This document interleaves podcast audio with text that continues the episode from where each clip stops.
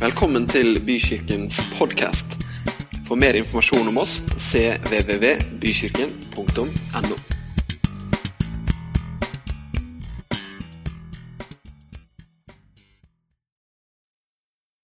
Du, I dag på vei hit så kjørte jeg, jeg kjørte hit med bil, som jeg gjorde. Og så på veien hit så ser jeg en godt voksen mann gå med Bibelen sin. Han gjorde ikke sånn, men det var tydelig liksom at jeg har Bibelen i hånda. Jeg er på vei til gudstjeneste. Det var et nydelig syn. Skjønner du, Det som er så rått med den boka her, da eh, og det er jo derfor jeg må, jeg må skjønne at jeg må kjøre en liten reklame nå, for det var bare 32% som var klar for en bibeltime.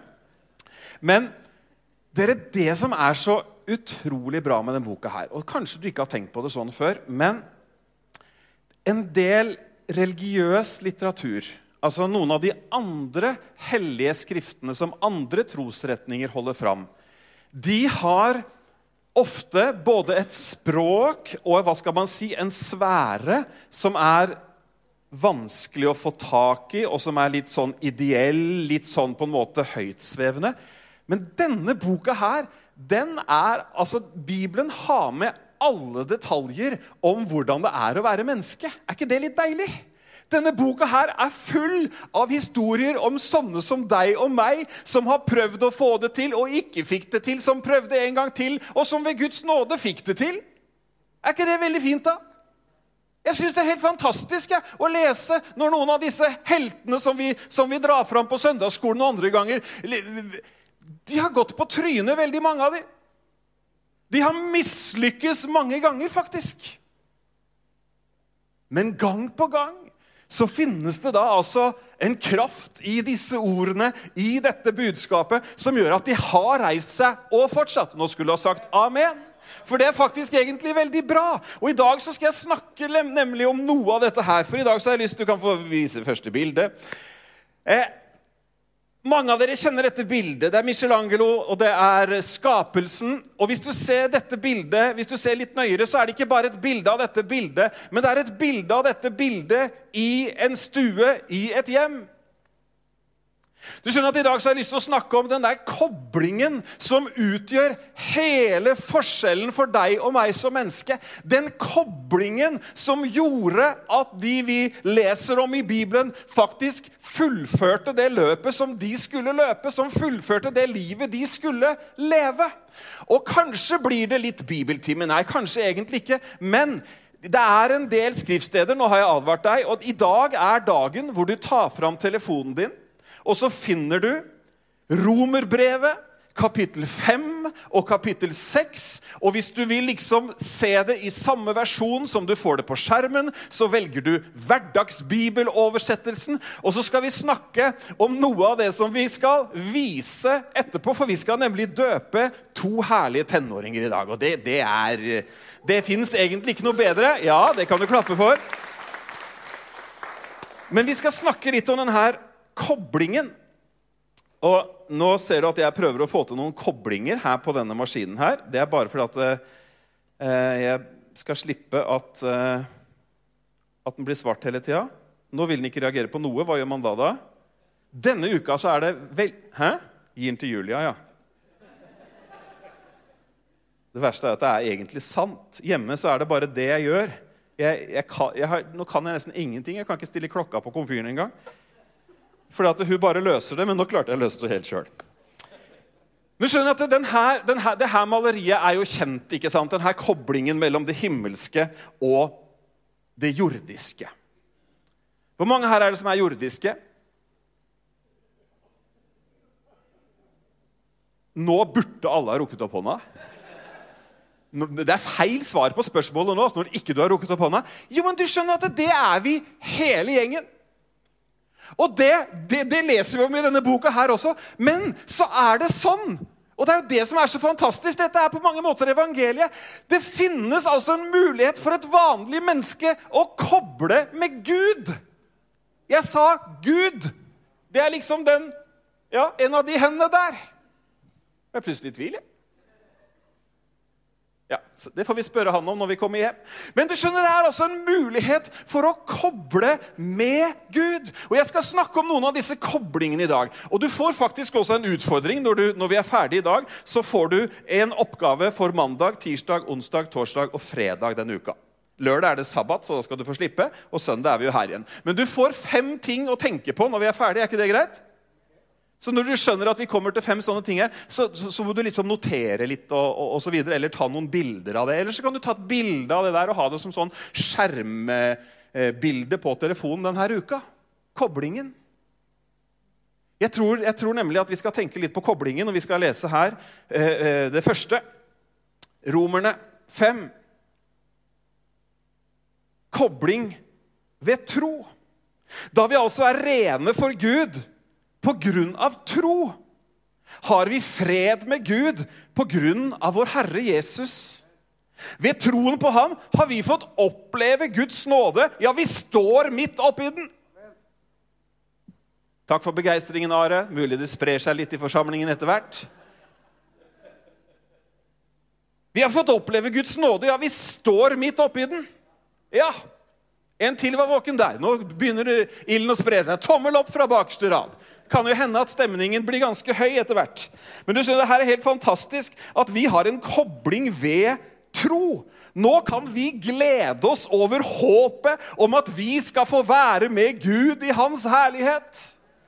Du skjønner at Det viktige, det første du og jeg må minne hverandre på i dag, det er at koblingen med Gud skjer ene og alene ved at du tror på Han. Den skjer på ingen måte at du tar deg litt sammen og, og, og liksom blir en, en, god borger av kongeriket Norge og betaler din skatt og smiler til naboen og stryker katten med hårene. Nei, det skjer ene og alene ved at du tror på han. Der er koblingen. Så hvis du aldri har kobla med Gud, så kan du koble med Gud her og nå bare ved å tro på han. handler om å si, 'Gud, jeg tror at du er Gud'. Så er koblingen der. Og det er en så naturlig kobling. Det er liksom en kobling som hånd i hanske. Hvorfor det? Jo, fordi at du er skapt i Guds bilde. Med andre ord så er det en match mellom deg og Gud. Så i det øyeblikket du henvender deg til Gud og kobler med ham, så er det som å komme hjem. Mange menigheter har det på veggen. Velkommen hjem. Hvorfor? Jo, for det er mulig å gjøre den koblingen som gjør at du har faktisk kommet hjem. Men vi må gå raskt videre, for vi skal døpe to stykker her. Det står noe i slutten av det her om håp. Og det neste er at denne koblingen, den gir oss håp. Derfor klager vi heller ikke over livets motgang. Ok, gjør vi ikke det? Der stakk det vel litt i folkesjela. Vi skal jo klage litt. Ja, nei, nå er det for varmt. Nei, nå er det for kaldt. Har du hørt det før? Aldri helt bra. Men her gir, her gir, her gir Bibelen oss en annen måte å møte utfordringene på. Derfor klager vi heller ikke over livets motgang. Vi vet at motgang i livet gir oss tålmodighet. Tålmodighet gir utholdenhet, og den trener oss til å ha et aktivt håp. Dette er bra, altså det gjør oss faste i troen, slik at vi er faste i håpet om det evige liv. Og hør hva det står her. Dette håpet vil aldri gå over i skuffelse. Halleluja. Håpet vårt kommer aldri til å ende i skuffelse. Du vet, du har sikkert hatt håp både til det ene og det andre. Jeg husker en gang vi hadde veldig håp om at jeg skulle vinne noen penger. Og jeg tenkte jeg hadde planene klare liksom når de millionene tikka inn. Jeg var litt yngre enn det er nå, det kan jeg bekjenne. Men altså, det håpet det gikk rett over i skuffelse. Det var liksom fra håp til skuffelse. Og så husker jeg en annen gang hvor jeg hadde en og jeg hadde, Å, Da skjønner man at man er gammel når man har lest stillingsannonser i avisa. For jeg leste stillingsannonser i avisa fra Hva het det for da? Hva het det da? A-etat? Nei. Arbeidsformidlingen? Nei, et eller annet. I hvert fall så var det en jobb som jeg syntes var drømmejobben for meg. Og jeg gjorde alt jeg kunne for å få den jobben. Jeg ringte direkte og solgte meg inn. Og jeg skrev søknad, henta bekreftelser. Det var ikke måte på. Jeg hadde faktisk allerede flytta til den landsdelen og planlagt absolutt alt. Det håpet gikk også over i skuffelse. Det tar jeg som et kompliment, Gunnar. At det håpet gikk over i skuffelse. Men du skjønner det, at det håpet som vi har, nemlig om en evighet i himmelen med Gud, det går ikke over i skuffelse. Kjente du at du ble litt glad nå? Det håpet går ikke over i skuffelse. Derfor så sier Bibelen at det håpet er så kraftig at selv uansett hva livet gir deg av motgang her, så finnes det et liv etter dette livet. Og det er et bra sted å være. Det heter himmelen. Amen. Halleluja, det er jo fantastisk. Denne koblingen, kjære deg og meg, den gir håp. Og hvis det er noe vi trenger, enten det er strømprisene eller andre ting som tar motet fra deg for tida Vet du hva? Alle mennesker jeg møter, både i kirka og utafor kirke, er det én ting folk mangler i dag, så er det jammen håp. Jeg håper det går bra, sier vi. Og er med andre ord helt usikre på utfallet. Ender dette håpet i skuffelse, eller ender det i himmelen? Denne koblingen gir håp. Ha. Trener oss til å ha et aktivt håp. I alle dager. Har du sett disse gærne folka som er ute og løper med bildekk på slep? Har du sett det? Altså, Det er tungt nok å løpe uten dekk. Så hvorfor skal man henge mange dekk på seg? Jeg så en kar, Han hadde dekk i kjetting etter seg, og så hadde han sånn vektvest på seg. Hvorfor det? Spiser for lite, ja. ja, det er jo noen som trenger verken vektvest eller dekk, dekk etterpå. Det er tungt nok som det er. Men med andre ord så, så er det noe med å la motstanden faktisk også kunne tjene som en, ha en treningseffekt til å holde fast ved håpet. Vi markerer søndag for forfulgte kristne. Hvis det er noen kristne jeg har møtt som har håp, så er det de som lever under svært vanskelige forhold. De har med andre ord trent opp håpet sitt ved tålmodigheten. De har holdt koblingen levende. Og du føler deg nesten litt sånn som en bitte liten unge som møter en stor kjempe, når du møter folk som har stått der år etter år og kjempa og aldri visst om de levde dagen etterpå.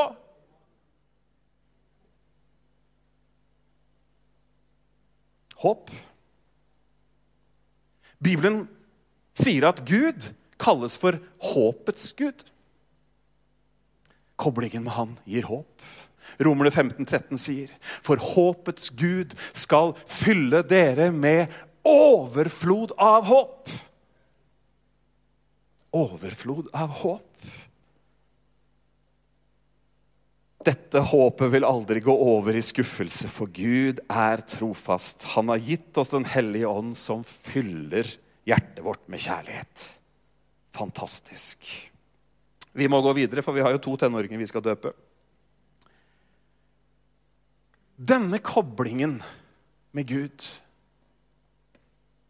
den er mulig ved Jesus.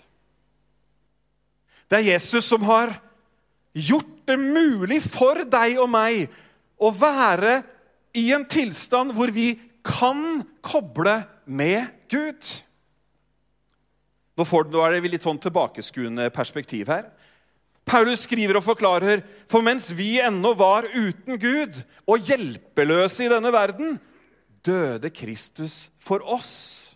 På et tidspunkt som var bestemt på forhånd. For hvem vil vel egentlig dø for andre? Det finnes jo nesten ingen som kunne tenke seg å ofre sitt liv for et menneske som lever rett en gang.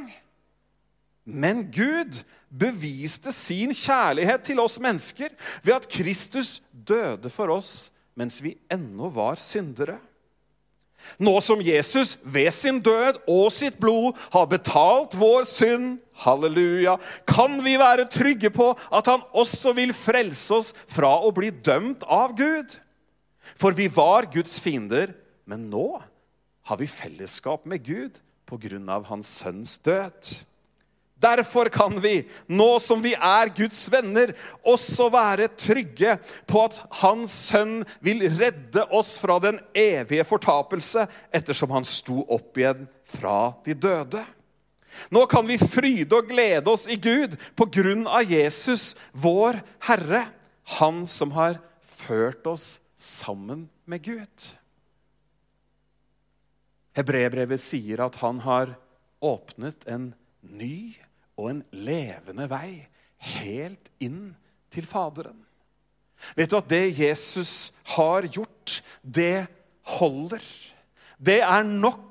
Det er pga. det han gjorde, at det nå er åpent. Før så var det ikke mulig. Før Jesus døde på kors og tok all verdens synd, så var det et sett av lover og regler som man måtte prøve å forholde seg til, men som ingen klarte, og som egentlig bare kom inn og beviste hvor lite vi mennesker egentlig er i stand til å få noe til. Men så kommer Gud, og det er det som er så nydelig. Så kommer Gud, Det står her at mens vi ennå var syndere, altså mens, før vi egentlig hadde prøvd å få til en eneste forbedring, hva gjorde Gud? Jo, etter sin plan så sendte han Jesus som en soning for våre synder, og så var himmelen åpen over oss.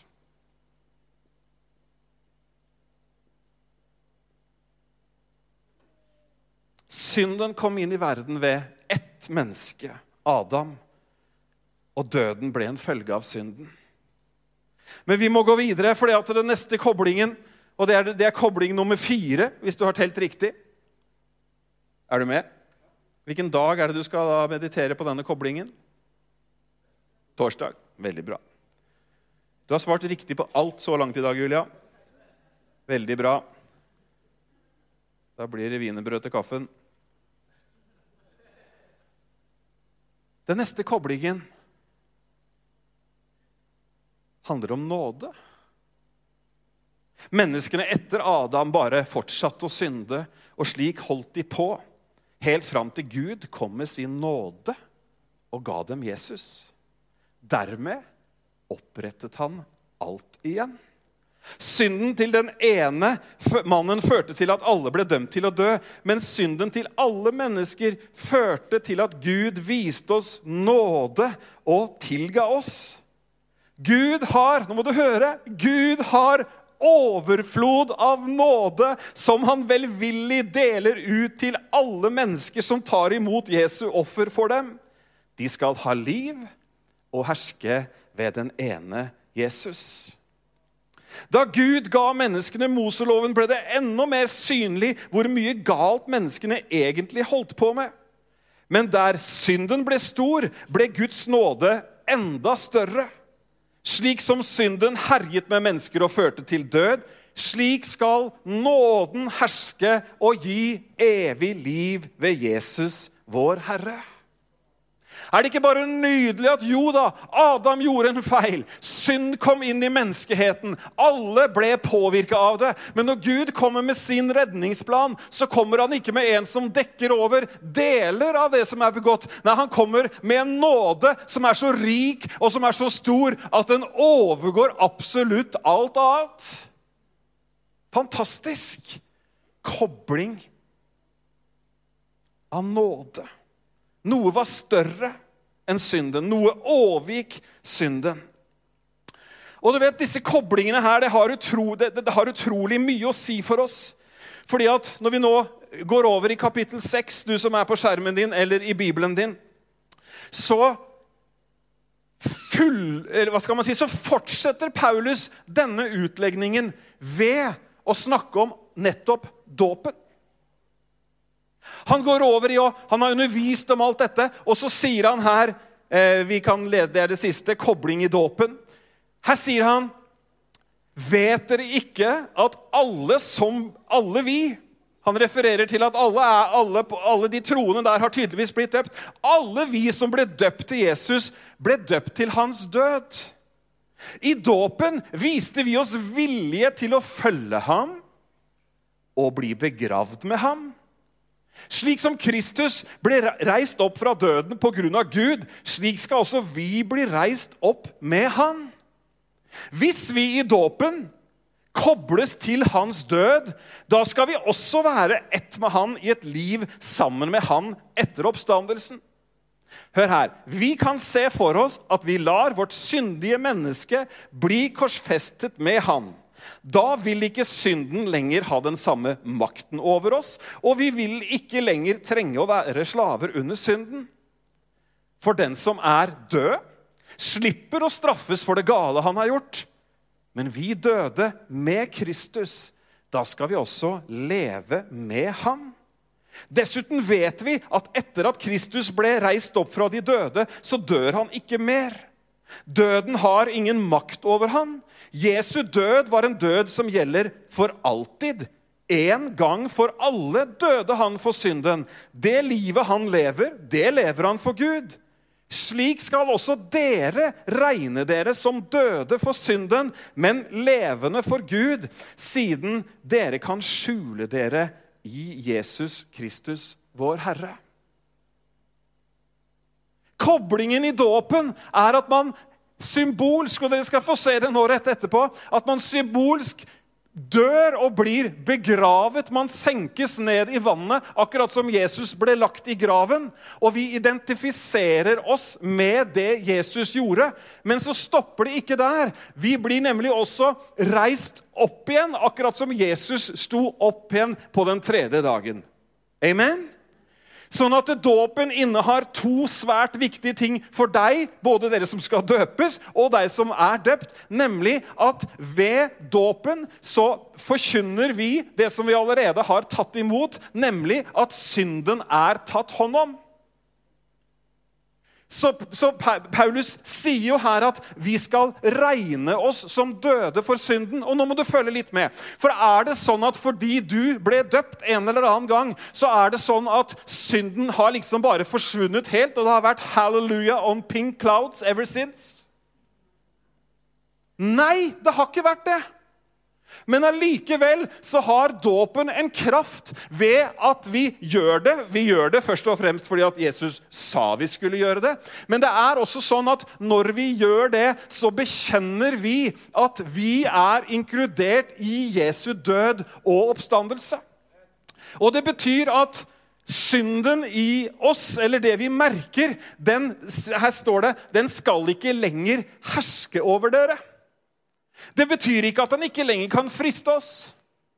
Det betyr ikke at fristelsene du står overfor, altså de tingene som ikke er bra, som i, i, lengden vil lede deg til at du havner et sted bort fra Gud Det er ikke sånn at de forsvinner, men ved at du lar deg døpe, ved at du har latt deg døpe, så har du gitt kraft også til et oppstandelsesliv som er sterkere enn fristelsene. Henger du med? Fordi at vi døde med Kristus, det er én ting, men vi reises også opp med Han.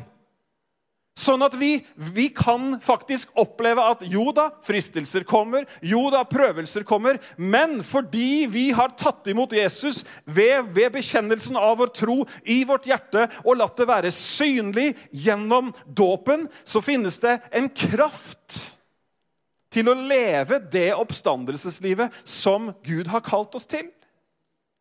Og hør hva jeg sier. Jeg sier ikke at du går over i et oppstandelsesliv hvor du ikke lenger møter motgang.